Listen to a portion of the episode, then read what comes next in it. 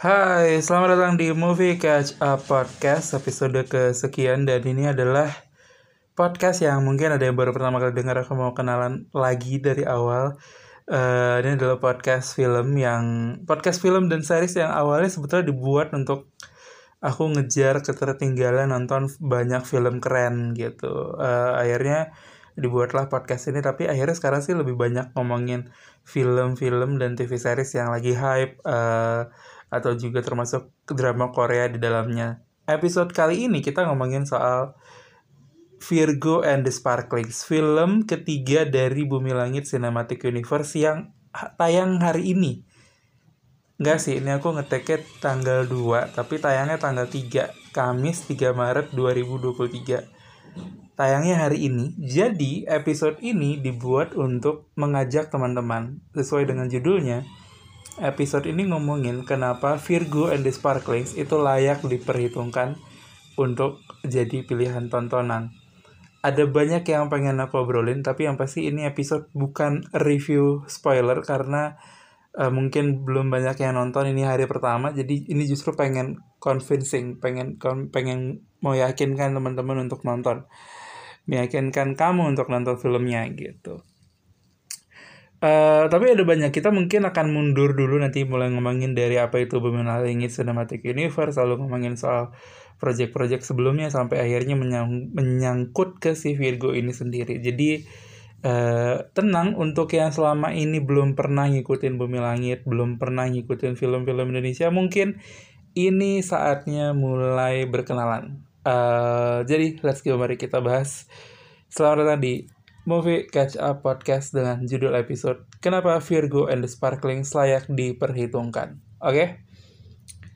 Uh, kita mulai dari pengenalan Bumi Langit Cinematic Universe. Bumi Langit Cinematic Universe ini adalah uh, kalau aku nggak salah mungkin secara sederhana menggambarkan gini. Jadi kalau uh, dulu tuh ada banyak sekali komikus-komikus yang ngebuat karakter-karakter pahlawan Indonesia.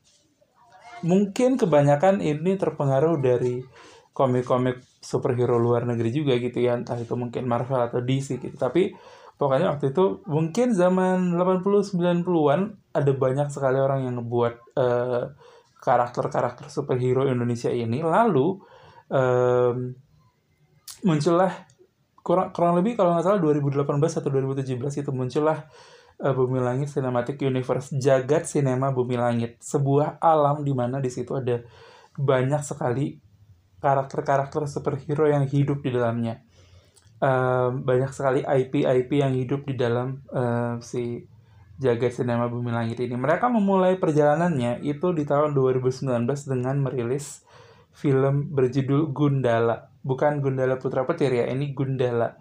Dan ini diperankan oleh Abimana. Ini sebetulnya kenapa aku jelasin pengen dari basic karena mungkin banyak yang belum ngeh juga nih sama si jagat ini.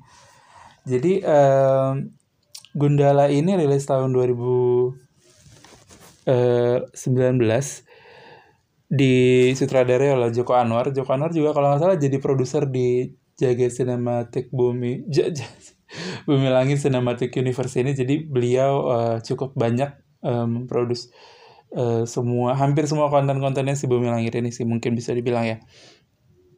Uh, Gundala waktu itu ketika rilis itu dapat banyak review yang agak mix review. Banyak yang bilang ini terlalu gelap untuk pasar Indonesia, banyak yang suka karena uh, arahnya lebih ke DC ketimbang ke Marvel. Marvel kan uh, dianggap lebih rame, lebih fun, lebih uh, family friendly, sementara DC kan dianggapnya sebagai karakter yang uh, sebagai jagat yang agak dark gitu. Waktu Gunda rilis sih kayaknya orang-orang udah berpikir bahwa oh jagat cinematic jaga Cinematic Universe. Loh Cinematic Universe ini akan jadi sesuatu yang lebih dark gitu. Uh, mixed review banyak yang kurang suka karena terlalu banyak masukin karakter yang uh, agak sia-sia uh, terkesan buru-buru. Tapi aku sendiri sih sebetulnya lumayan suka sama Gundala. Uh, ya aku suka bahwa kita bisa bikin film ini sih. Aku suka acting actingnya ini tuh kayak good start gitu. Ketika nonton film ini meskipun kita tahu filmnya punya banyak kekurangan di sana sini tapi kita tahu ini awal yang bagus gitu. Um, tapi nggak apa-apa juga sih untuk beberapa orang menganggap bahwa filmnya kurang. Ya nggak apa-apa gitu. Cuman um, menurutku pribadi ini tuh good start lah si Gundala ini. Lalu tahun 2022 setelah cukup lama tuh kan 2018 uh, sorry 2019 Gundala tayang. Lalu 2022 kemarin Sri Asih tayang. Bumi Langit Cinematic Universe melanjutkan perjalanan dengan uh, menayangkan Sri Asih. Sri Asih ini uh, jauh lebih mix review lagi. Tapi sebetulnya secara jumlah penonton juga agak miris sih. Si Gundala tuh kalau nggak salah masih nyampe sejutaan. Si Sri Asih itu lima ratusan. Jadi lima ratus ribuan gitu. Jadi emang uh, agak problematik ketika tayangnya mungkin ya bisa kita bilang karena Hamin tiga kalau nggak salah Hamin tiga atau Hamin lima gitu ya uh, sebelum penayangan tiba-tiba filmnya diundur dan undurnya itu nggak main-main undurnya sebulan bahkan sebulan lebih. Jadi uh, waktu itu agak kacau orang udah excited untuk nungguin film ini tapi ternyata diundur uh, ada banyak yang udah nggak kemakan hype lagi uh, kelindes sama beberapa film-film Hollywood juga gitu sih Bumi Langitnya jadi ya uh, film keduanya Bumi Langit Cinematic Universe waktu itu sempat jadi pertanyaan apakah karena filmnya dianggap tidak terlalu berhasil, apakah filmnya akan menjadi uh, penutup jagat gitu? Karena dianggap tidak untung gitu. Ternyata enggak, ternyata uh, mereka masih tetap berlanjut. Toh ya karena si Virgo and the Sparkling Waters ini, wah, kenapa? so sorry. Si Virgo and the Sparkling Scene itu uh, sudah syuting dari tahun 2020 jadi ya mau gimana mereka akhirnya memutuskan untuk tetap tayang dan akhirnya filmnya tayang hari ini ketika kamu dengerin episode ini 3 Maret 2023 jadi perjalanannya udah cukup jauh di awal rilis mereka dapat mix review good start tapi terlalu apa ya mungkin clumsy anjay clumsy. Tapi yang kedua uh, beberapa orang ngelihat itu sebagai uh, bagus gitu ya perkembangan improvement tapi beberapa justru ngerasa kayak ini sebetulnya kurang terlalu berhasil dan lain-lain gitu ya ada ada terlalu banyak faktor yang mungkin teman-teman bisa dengerin reviewnya juga. Aku nge-review Sri Asih di uh, episode-episode sebelumnya.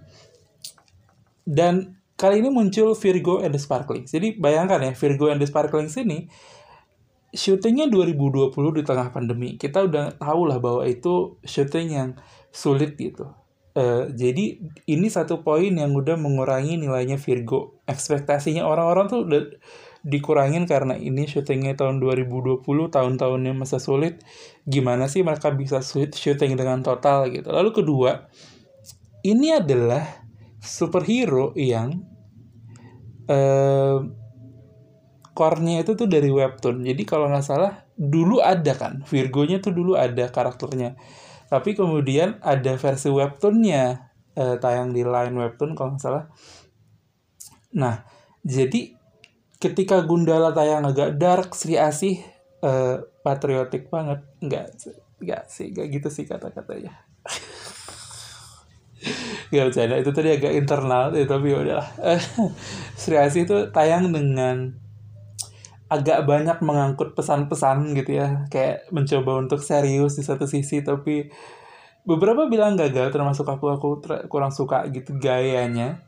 Tiba-tiba Virgo and the Sparkling ini muncul dengan gaya yang dari materi promosi dari semuanya. Kita tahu ini adalah webtoon webtoon yang seru ya. Tentu ada webtoon yang thriller dan serius dan lain-lain. Cuman maksudnya ini ini webtoon yang seru uh, karakternya perempuan-perempuan yang manis gitu anak-anak sekolah. Jadi uh, ini tuh udah jadi satu tantangan sendiri gitu untuk si Virgo ini bisa diterima dengan baik. Jadi bayangin uh, syutingnya tahun 2020 gitu. Ketika kita tahu syutingnya tahun 2020 nih udah satu minus poin bukan minus poin ya maksudnya kayak aduh apa sih yang mau diharapkan dari film yang syuting di pandemi? gitu ya anggapannya gitu. Lalu apa sih yang mau diharapkan dari superhero cilik pijik-pijik ini apa gitu. Gundala aja pun gak, gak, gak sesukses itu. Apalagi kita mau berharap sama superhero cilik-cilik pijik ini apa gitu yang diharapkan. Lalu ketiga uh, si Virgo and the Sparkling sini itu kan uh, ngomongin ada unsur musikalnya ya ada unsur musik lah. Nggak musikal sih ada unsur musik. Uh, karena digambarkan Virgo ini uh, bisa main gitar dia suka nyanyi dan dia ngebentuk band nama bandnya Virgo and the Sparklings itu nah jadi sering kali kita nemuin ada banyak film Indonesia yang nyoba masukin unsur-unsur musik tambah unsur remaja itu jatuhnya malah jadi cringe. Tapi eh jangan tapi dulu tapi pokoknya itu. Jadi dari ngeliat trailer udah banyak yang menganggap bahwa ini Virgo akan cringe. Bayangin ya tadi kita udah nemu tiga poin yang memberatkan satu dia syuting di tengah pandemi. Dua dia eh, terlalu cheerful dianggapnya. Ketiga ini tuh musikal remaja keren sekali pasti gitu. Tiga poin ini sebetulnya cukup ngebuat Virgo sendiri secara internal tuh udah sulit lah. Tambah lagi beban-beban sebelumnya bahwa sebelumnya kita ngelihat Gundala yang dark dan mix review kita ngelihat Sri Asih yang kurang sukses gitu ya ya bisa diperdebatkan tapi secara jumlah penonton tidak sesukses Gundala gitu. Dan hype juga nggak serame itu gitu. Nah ada banyak sekali yang memberatkan Virgo ini untuk mencapai suksesnya tapi episode kali ini aku pengen ngomongin soal kenapa Virgo and the Sparklings ini layak diperhitungkan layak diperjuangkan untuk ditonton layak jadi pilihan hiburan kalian kalau cuma bisa nonton satu film di minggu ini oke mari kita bahas anjay. Lama nggak tuh prolognya? Oke, bentar.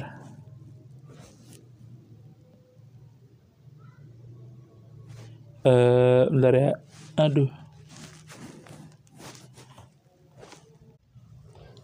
Oke, okay. Uh, mari kita mulai dari ini kenapa aku bisa nge-review di hari H. Kok kayaknya rapih banget nih, cepet nih kerjanya enggak juga sih. Jadi kemarin tuh eh, tanggal 25 Februari, berarti berapa tuh? 6 hari yang lalu, seminggu yang lalu, itu eh, Bumi Langit BCU ini tuh ngerilis bahwa mereka akan ngadain special screening di 18 kota. Sebetulnya agak aneh juga sih, kenapa 18 kota ya? 18 kota kan sebetulnya cukup besar gitu. Takutnya malah ketika udah tayang di 18 kota ini hype nggak berasa, tapi ternyata enggak sih Uh, sebelumnya mereka udah ngadain juga special screening di Bandung, tapi kenapa Bandung? Karena itu uh, background filmnya gitu ya, background setting filmnya dan uh, untuk screening 18 ini untungnya Medan ada di salah satunya dan aku uh, berhasil mengamankan tiket sama temenku akhirnya kita nonton uh, tanpa ekspektasi apa pun. Jadi aku udah nonton 6 hari yang lalu, aku nahan-nahan nyoba review untuk rilis ini di tanggal 1 versi non spoiler lagi-lagi. Jadi um, seperti yang tadi udah aku jelasin, aku nggak sama sekali naruh ekspektasi apa pun ketika nonton. Karena takut kecewa karena ini udah udah film ketiganya si Bumi Langit takut uh, tidak terpuaskan lagi gitu setelah agak ngantuk-ngantuk no, nonton Sri Asih gitu ya. Ya mungkin bukan salah Sri Asihnya juga gitu salah aku nonton pas ngantuk uh, tapi aku sama sekali nggak naruh ekspektasi apa pun bener-bener nonton ya udah yuk nonton aja gitu. Bahkan sebelumnya ada keramaian soal poster yang agak kurang nempel-nempel gitu kayak aduh kenapa sih posternya jadi gini dan lain-lain. Tapi oke udah yuk nonton kita tanpa ekspek eh, eh tanpa ekspektasi apa pun mari kita coba nonton. Um, dan ini review non spoilernya aku nggak bahas uh, spoiler sama sekali aku cuman bakal jelasin uh, sedikit sinopsisnya di awal. Jadi Virgo and the Sparklings ini itu ngobrolin soal uh, Riani yang diperankan oleh Zara. Ntar ya. Riani yang diperankan oleh Zara Adisti ini uh, by the way yang yang nggak kenal Zara ini Zara tuh main di um, bentar Zara tuh main di dua garis biru di Mariposa dan lain-lain ya. Harusnya sih udah pada tahu nih Zara. Ini tuh uh, bercerita tentang Riani yang uh, singkatnya ya gini ya ini aku baca sinopsis versi aslinya dulu nanti aku uh, apa namanya rapihin. Riani adalah seorang remaja yang dipaksa untuk membongkar uh, kekuatan tersembunyinya ketika beberapa kasus misterius muncul dan merubah kota menjadi uh, berubah kota menjadi penuh kerusuhan gitu ya bahasa Inggris soalnya nih. Jadi uh, itu singkatnya itu dan uh, quotesnya kan kalau Gundala kan kota ini butuh patriot gitu ya. Nah kalau si Virgo ini menyelamatkan dunia bukan cuma urusan orang tua. Nah gitu. Jadi itu dari situ tuh udah udah seru kan. E, kurang lebih ceritanya gitu. Jadi Virgo, eh, eh Sri Asih, gimana sih? Jadi Zara ini, Rian ini, eh, udah beberapa kali pindah sekolah karena masalah dia tuh eh, dari tangannya tuh bisa ngeluarin api gitu jadi kayak di beberapa sekolah sebelumnya dia kayak nggak sengaja ngebakar gedung lah apalah bikin nggak nge ngebakar eh, apa guru lah dan lain-lain gitu ya akhirnya tapi tapi dia tuh nggak tahu ini apa sebelumnya nggak ada yang ngejelasin ke dia juga gitu bahkan orang tuanya sendiri juga nggak nginfoin ke dia bahwa dia punya keanehan dengan kemampuannya ini bisa ngeluarin api dari tangannya yang nggak bisa dia kontrol juga gitu. Nah, dia pindah-pindah sekolah sampai akhirnya keluarganya datang ke Bandung, dia dan keluarganya pindah ke Bandung. Uh, dia masuk ke sebuah sekolah SMA Negeri 3 Bandung. Uh, di sana dia ketemu sama tiga orang teman barunya, uh, Asira Zamita, Satin Zaneta, dan Rebecca Klopper. Ya gak sih? sih ya itu dia. Eh, uh, iya betul. Rebecca Clover. Ya, nah. Jadi mereka bertiga ini ketemu ngobrol ya sesama namanya anak SMA gitu ya ngobrol dan lain-lain. Tiga-tiganya sama-sama uh, jadi dua di antaranya itu uh, anggota band. Yang satu tuh eh, seakan-akan manajernya gitulah. Terus akhirnya mereka ngajak Riani untuk masuk ke band mereka. Akhirnya mereka gak bentuk band uh, terbentuklah Virgo uh, ini The Virgos. Cerita berlanjut dan uh, di di sela-sela cerita itu tadi ya seperti yang sudah dijelaskan di sinopsis ada keramaian karena ada kasus-kasus misterius di mana anak-anak tuh mulai ngelawan orang tuanya gitu itu nanti menarik sih sebetulnya cuman mungkin aku bakal bahas spoiler lah soal si pemilihan konflik ini dan gimana caranya mereka masukin konflik ke dalam ceritanya oke okay? uh, eh, jadi itu dulu sih pemain-pemainnya ada banyak Tadia, Zara, ada Asira Zamita, Satin Zaneta, uh, ada Brian Domani, Brian Domani bagus, ada Mawar Eva, ini juga bagus sih sebagai uh, mungkin bisa dibilang villain semi villain villain sih. Lalu ada uh, Rahel Florencia Rachel Florencia. Ada Mentari Novel ada Indah Kusuma ada uh, Maudi Efrosina ada Irgi Farezi sebagai ayahnya Riani ada Widi Milia ada Mulia ada Putri Ziani um, ada Yama Carlos ada Dava Arik ada banyak sih. Lalu untuk film ini disutradarai oleh Bang Odi Harap Anjay Mantap Bang Odi. Kita sama harap Bang Odi. Bisa kali merchandise Bang Odi. Bercanda Ah itu juga salah satu kekecewaan tuh. Harusnya kan yang special screening dapat apa gitu ya gelang-gelang Virgo ya ya gitu. Nggak bercanda bang Odi maaf. Maaf tulang. Tulang ya maaf oh, amat tua ya itulah pokoknya. Ada uh, Bang Joko Anwar di kursi produser, lalu penulisnya ada um, produser banyak nih bos. Bumi Langit Cinematic Universe nih bos, bos. Penulisnya ada, ntar kita cek dulu mana sih nih. Kudu apa sih jauh bener ini. Nah ini penulisnya Johanna Watimena dan Rafki Hidayat. Untuk yang penasaran, ini supaya ngelihat gambaran-gambaran stylenya ini, Kak Johanna Watimena ini yang nulis The Boys, eh The Boys ya, The Big Four, Sin, uh, Teman Tapi Menikah, Keluarga Selamat, um, Teman Tapi Menikah satu dan dua tadi ya by the way. Uh, untuk Kak Rafki Hidayat ini, beliau menulis kafir, lalu ada bentar Makmum 2 lalu ada uh, Nightmare and Daydreams itu dia untuk komposernya ada ntar Agi Narotama ini kalau nggak salah yang komposer asih juga.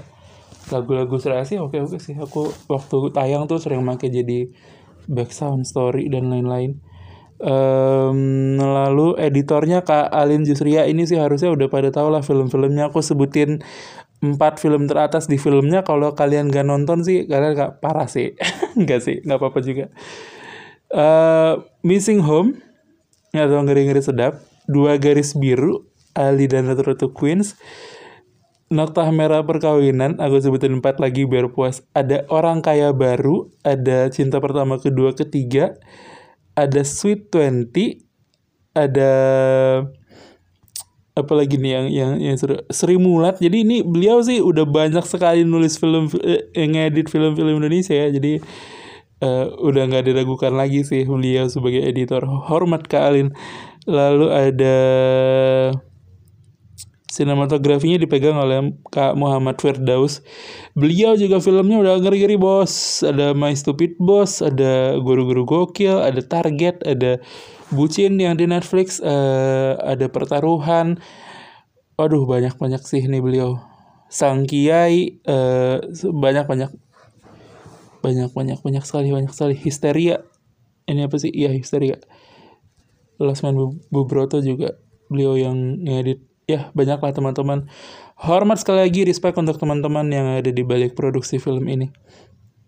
Um, oke okay, jadi tadi itu ya sebagai background lalu orang-orang yang ada di belakangnya dan sinopsisnya dan lain-lain. Dan ini adalah alasan kenapa menurutku Virgo and the Sparklings Water nggak layak diperhitungkan untuk jadi pilihan tontonan minggu ini. Pertama, karena ini tuh udah bisa kita lihat di Twitter di mana pun dan kayaknya hampir semua orang yang menonton hari itu semua sepakat bahwa tanpa mempertimbangkan apa pun dari Virgo, Virgo and the Sparkling sini adalah film paling fun dari Januari sampai Maret mungkin. Dari Gundala sih jauh lah funnya ya. Dari Sri Asih pun jauh karena memang dia udah paling fun, pol pol pol fun. Banyak sekali unsur-unsur yang bisa diperdebatkan dari film ini banyak sekali unsur yang bisa dipertanyakan. Tapi the hell ini film super fun super fun. Semenyenangkan itu aku gak ngerti kalau orang nonton gak suka tuh gak ngerti aku karena menyenangkan sekali filmnya. Ini menyenangkannya gimana? Bingung juga ngejelasin ya kalau gitu ngapain di review bener sih maksudnya. Semua tuh mendukung gitu. Unsur musiknya yang tadinya kita pikir akan menyebabkan kekringean, uh, itu justru nambah porsi filmnya jadi jauh lebih fun. Aku tuh hampir nyanyi kenceng loh pas lagu-lagu dinyanyiin, apalagi lagu salah satu lagu yang udah ada di trailer juga ya, lagu salahnya uh, Melubus lo gitu. Selalu ku bilang aku tak sebaik kau pikir. Tak pernah ku nantikan kamu. Anjay. Bas Zara menyanyi lagu itu tuh Aku pengen sing along Cuman orang-orang kok diem ya Emang bukan konser sih Audi ya oke benar Jadi uh, musiknya mendukung. Kemampuan ensemble castnya bagus. Khususnya itu ya geng The Virgos ini eh, Riani, Sasmi, eh, Monica dan siapa satu lagi nama temennya tuh? Aduh aku lupa lagi namanya siapa. Kenapa fans saya nanti aku udah harus sabar. Eh Monica Usi ya Usi. Usi Riani Monica Sasmi ini. Dan dan ditambah Brian Doman ini ensemble cast yang bagus gitu yang yang bikin ini jadi seru gitu. Terlepas bahwa mereka juga punya kekurangan masing-masing sebagai uh, karakter tapi ensemble cast ini tuh bikin filmnya jadi fun gitu jadi super fun super fun. Gimana gue lagi uh, apalagi musik acting. Um, jalan cerita juga sebetulnya ada kekurangannya tuh ada kita tahu ini tuh harusnya bisa lebih baik ini bisa jauh lebih dieksplor ini bisa gini cuman ngapain kalau bisa menyenangkan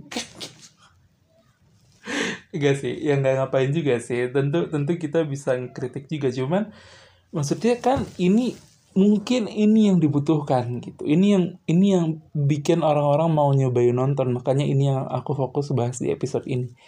Jadi kalau kalian butuh satu film, kita udah bosan sama film-film horor yang ada dari bulan Januari sampai Maret terlihat dari sedikit sekali film Indonesia mencapai angka 1 juta penonton kalau kita bosan sama itu, mari cobain nonton Virgo and the Sparklings. Filmnya menyenangkan sekali, super fun.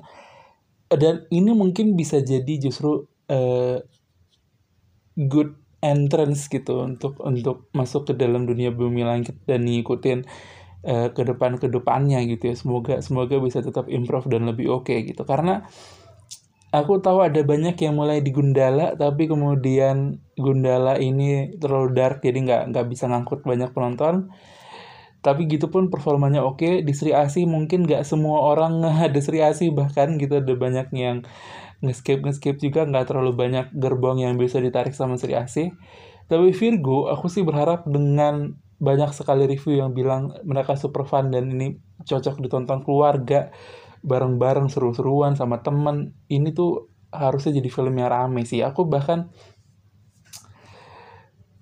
ini film tuh layak dapat 2 juta penonton mungkin. Ketinggian sih kayaknya ya. Cuman maksudnya ya semoga bisa lebih dari itu. Karena filmnya layak sekali untuk jadi good start gitu. Uh, banyak yang mempertanyakan kualitas CGI tentu kualitas CGI-nya nggak sebagus itu. Bahkan kalau aku sendiri memper melihatnya nggak lebih bagus dari Sri Asih gitu. Tapi fun. Mau gimana? Bingung kan? Tentu tentu yang dengerin podcast ini bingung juga gitu. Gimana sih banyak kekurangannya? Kok fun? Cobain aja. Kalau nggak nyanyi nyanyi di dalam bioskop. Seru filmnya. Serius dah. Um, secara teknis ada banyak yang bisa diimprove gitu. Ada banyak yang kayak adegan terbang lah CGI efek-efek dan lain-lain tuh ada sebetulnya. Cuman ya uh, kita tuh masih bisa dalam toleransi gitu masih bisa kita toleransi nih uh, unsur-unsur ini. Uh, dan satu lagi mungkin yang bisa jadi pertimbangan yang yang bisa bikin kalian mempertimbangkan Virgo ini adalah filmnya rewatchable aku kalau ditawarin aku kalau mau mungkin aku akan nonton lagi sih si, si Virgo ini jadi Uh, bayangkan dia punya banyak kekurangan tapi rewatchable karena fun aja, seru aja ngelihat interaksi antar karakter yang berjalan dengan baik, uh, semuanya oke okay, dan lain sebagainya. Nggak um, ada yang komedinya juga tepat gitu, nggak ada yang hit and miss parah gitu, nggak ada uh, ringan dan lain-lain. Tapi mesti satu sih yang jadi uh, patokan kalau mau nonton gitu, jangan nonton dalam kondisi pikiran kayak mana coba? Mana fun sih? Mana sih yang fun kalau kalau nontonnya gitu tuh udah udah habis tuh. Mati filmnya. Jadi udahlah itu sama kayak nonton film horor. Mana katanya serem? Mana sih? Mana sih? Ya, jangan gitu dong. Nontonnya santai aja selalu kalem pasti akan enjoy gitu. Jangan dalam rangka untuk membuktikan mana sih yang katanya oke okay tuh mana sih? Mana sih yang enjoy? Enggak gitu. Kayak kalem aja kalem. Itu aja sih paling yang aku bilang eh, ini episode dari 20 menit. Cuman mungkin itu sih sebagai kesimpulan aku pengen bilang filmnya layak sekali untuk diperjuangkan. Aku jarang untuk campaign ngajakin orang-orang nonton film. Cuman Virgo ini bagus guys tontonlah tolong. Gitu. Gimana sih? Serius dah ini film bareng keluarga cocok bareng orang tua cocok, bareng eh, temen cocok, bareng sahabat, bareng pacar sih udah pasti lah bakal teruhu Dan salah satu lagi nih, kenapa aku bisa bilang ini bagus tuh, eh, ada dua kredit, eh ad, enggak sih, ada ya ada eh, ada satu middle credit scene, jadi mid credit scene di tengah. Eh, kan kita nggak tahu kan, pas kita nonton kan kita nggak tahu nih ada berapa credit scene-nya gitu. Jadi abis kita semua udah nonton, udah ada mid credit scene. Itu kan masih lanjut tuh si kredit title-nya kan. Terus semua orang masih nungguin gitu di dalam bioskop. Nggak ada yang turun nggak ada yang keluar gitu. Itu kredit scene turun turun turun turun turun turun. Begitu filmnya selesai kan emang nggak ada kan si kredit scene after kredit scene itu emang nggak ada gitu. Akhirnya semua orang ketawa kayak kita nungguin gitu kayak belum siap untuk bubar. Jadi sekali lagi aku mau bilang sebagai penutup filmnya super fun super fun, fun, fun sekali, melebihi fun football, fun, fun football. Filmnya super fun. Aku berharap uh, film ini berhasil di pasaran supaya film Indonesia jauh lebih bervariasi dan Bumi Langit Cinematic Universe masih layak untuk diperjuangkan. Kita masih menunggu Godam dan Tira, bahkan Project Tira series di Disney Plus-nya juga masih kita tunggu-tunggu banget. Jadi Mari nonton Virgo and the Sparklings di bioskop mulai dari hari ini sampai hari-hari ke depan. Semoga umurnya panjang jadi kalau kalian belum nonton hari ini bisa nonton besok, kalau kalian belum nonton bisa belum bisa nonton besok bisa nonton besoknya lagi, besoknya lagi dan besoknya lagi. Tapi usahain karena ini film Indonesia dan mungkin nggak terlalu banyak dapat kesempatan, uh, usahain nonton di minggu pertama di guys. Uh, Kamis, Jumat, Sabtu, Minggu. Usahain karena kalau performanya bagus di situ, filmnya bisa kemungkinan bertahan di minggu-minggu berikutnya. Terima kasih sudah mendengarkan episode kali ini. Semoga Virgo and the Sparklings uh, bisa mendapatkan jumlah penonton yang mantap. Sampai jumpa di episode berikutnya. Bye, selalu ku bilang aku tak sebaik kau pikir. Tak perlu, tak pernah ku menantikan kamu. Anjay, bagus kan suara saya? Kalau bagus rating coba, terima kasih semuanya. Jangan lupa follow at Audi underscore harahap dan at movie catch up di Instagram. Terima kasih, bye